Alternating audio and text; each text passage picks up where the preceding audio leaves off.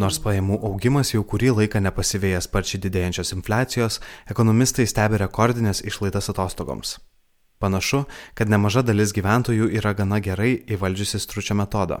Lepiname save šiandien, stengdamiesi ignoruoti ir iki rudens nematyti didėjančių būtinųjų išlaidų fakto. Vis dėlto kainos mažėti nežada ir mūsų laukia dar vienas brangus šildymo sezonas, tad jau dabar verta peržiūrėti savo biudžetą ir vengti finansinių rizikų. Atsižvelgus į kainų augimo tempus, peršasi išvada, kad vasaros linksmybėms dalis gyventojų išlaidauja savo santaupų sąskaitą arba į skolą. Pandemija buvo ilgam mus apribojusi tiek fiziškai, tiek psichologinė prasme, prie prastesnės emocinės veikatos prisidėjo ir Rusijos invazija Ukrainoje, tad norime pasilepinti ir tai visiškai suprantama. Tačiau finansinės disciplinos atidėliojimas ir juo labiau vartojimas santaupų ar skolų sąskaita daliai gyventojų dėja nieko gero nežada. Savaime santaupų leidimas ar skolinimasis nėra blogybės, tačiau su keliomis sąlygomis. Tad pamėginkime nusibriežti raudonas linijas ir įsivertinti savo finansinę sveikatą. Visais laikais, o ypač tokiu įtemptu laikotarpiu kaip dabar, kiekvienas asmo ar šeima turėtų turėti sukaupusi finansinį rezervą. Tai tos santaupos, kurios pagelbėtų staiga padidėjus išlaidoms ar sumažėjus pajamoms. Mūsų finansinis rezervas turėtų sudaryti bent 3-6 mėnesių būtinųjų išlaidų sumą. Likusi santaupų dalis gali būti naudojama pramogoms ir atostogoms. Jei save lepiname santaupų sąskaitą, nemažindami finansinio rezervo, galime manyti, kad išlaikome savo finansinę sveikatą gerą. Tiesa, saiko pamesti nereikėtų ir tokiu atveju. Vis dėlto tyrimai rodo, kad tokio ar didesnio dydžio finansinį rezervą yra sukaupę mažiau nei pusė šalies gyventojų. Kalbant apie pinigų skolinimąsi, skola skolai nelygi.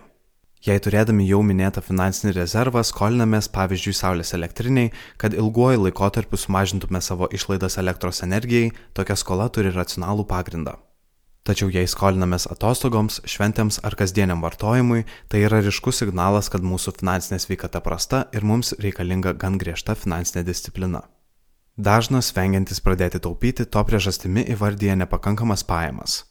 Realybėje reikėtų pripažinti, kad dažniau tai lemia asmeniniai pasirinkimai, kam leisti pinigus, o be kokių pirkinių būtų galima išsiversti. Čia kiekvienas galime prisiminti savo vaikystę ir senelius. Pensijos jokiais laikais nebuvo įspūdingo dydžio, tačiau mūsų seneliai ne tik sugebėdavo susitaupyti, bet ir mums kelias dešimtis litų, o šiais laikais vaikams jau eurų, į kišenę įsprausti tėvams nematant. Tas pats elgesio modelis mums būdingas ir kalbant apie finansinę drausmę apskritai. Mums atrodo, kad dauguma mūsų pirkinių tikrai yra reikalingi, o finansiniai disciplinai vietos nėra dėl per mažų pajamų. Ypač, jei nesekame savo išlaidų ir nesame susidarę savo asmeninio ar šeimos biudžeto.